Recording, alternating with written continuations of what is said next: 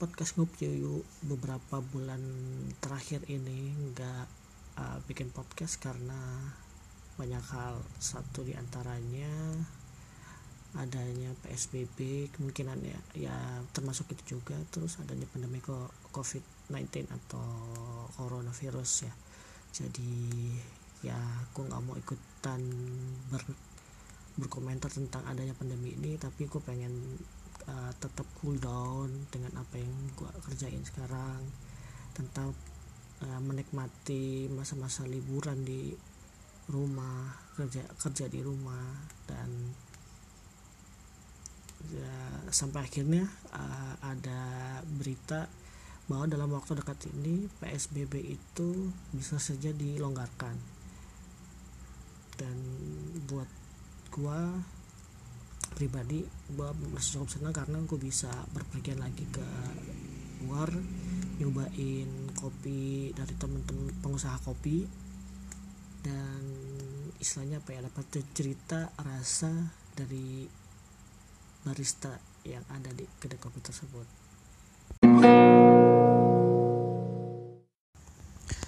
Oke di podcast uh, kali ini gua akan nyebut namanya uh, bilang apa ya namanya tentang kopi deh bilang.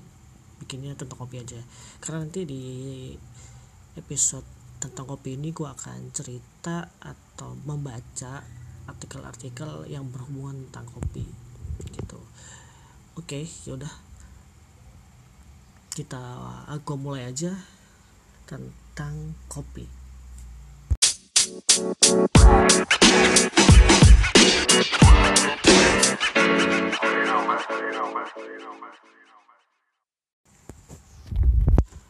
kopi arabica atau Arabia Arabica Coffee ya. Di ini pertama kali diklasifikasikan, diklasifikasikan oleh seorang ilmuwan Swedia bernama Carl Linnaeus pada tahun 1753. Nah, jenis kopi yang memiliki kandungan kafein ini kira-kira besarnya 0,8 sampai 1,4 persen.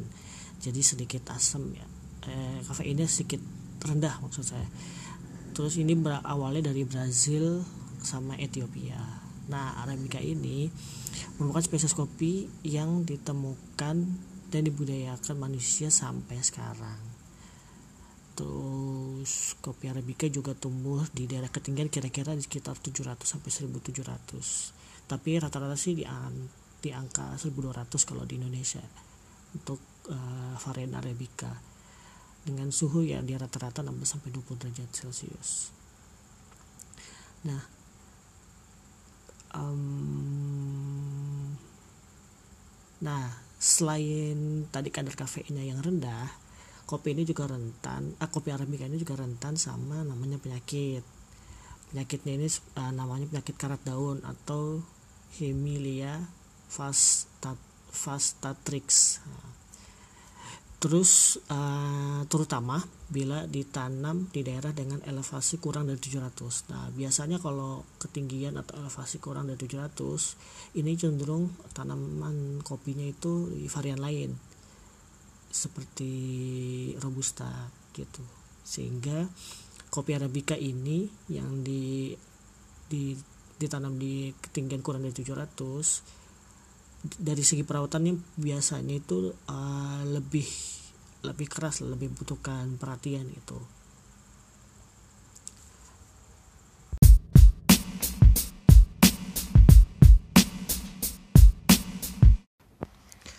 Nah, buat teman-teman yang suka sama kopi arabica, boleh dong share kopi arabica apa yang kalian uh, suka gitu atau kalian sering kalian konsumsi gitu kalian bisa kasih komentar atau cerita berupa tulisan atau vid, voice audio atau VA ke email ya ke email saya di vaniji22@gmail.com nanti uh, email akan saya tulis di di deskripsi podcast ini. Jadi kalian gak pusing-pusing cari ya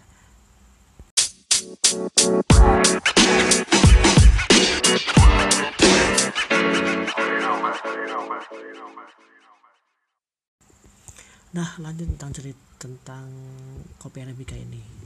Nah khusus yang sekarang ini ceritanya bagaimana sih kopi arabica ini eh kopi arabica ini bisa masuk Indonesia? Nah kopi arabica ini termasuk adalah varietas pertama yang masuk ke Indonesia dan dibawa oleh Belanda ketika datang ke Indonesia namun varietas asli yang tipika ini yang dibawa oleh Belanda ini kemudian habis itu punah karena livres atau hamanya itu ya yang menyerang Indonesia. Tapi tidak semuanya punah karena ada varietas tipikal lain uh, yang uh, bisa selamat seperti bergendal dan sidikalang nah sidikalang nih yang familiar familiar sama kalian kan? Sidikalang dari mana coba? Yo uh, ya betul. Dari Medan atau Sumatera Utara. Yang varietas ini ya tadi di, sering ditemui lah di dataran tinggi di daerah Sumatera. Ada juga di Flores varian ininya tipikannya terus ada di Sulawesi juga. Oke uh, mungkin uh, informasi tentang kopi arabica ini dari gue itu aja tentang kopi episode pertama di tahun 2020 Thank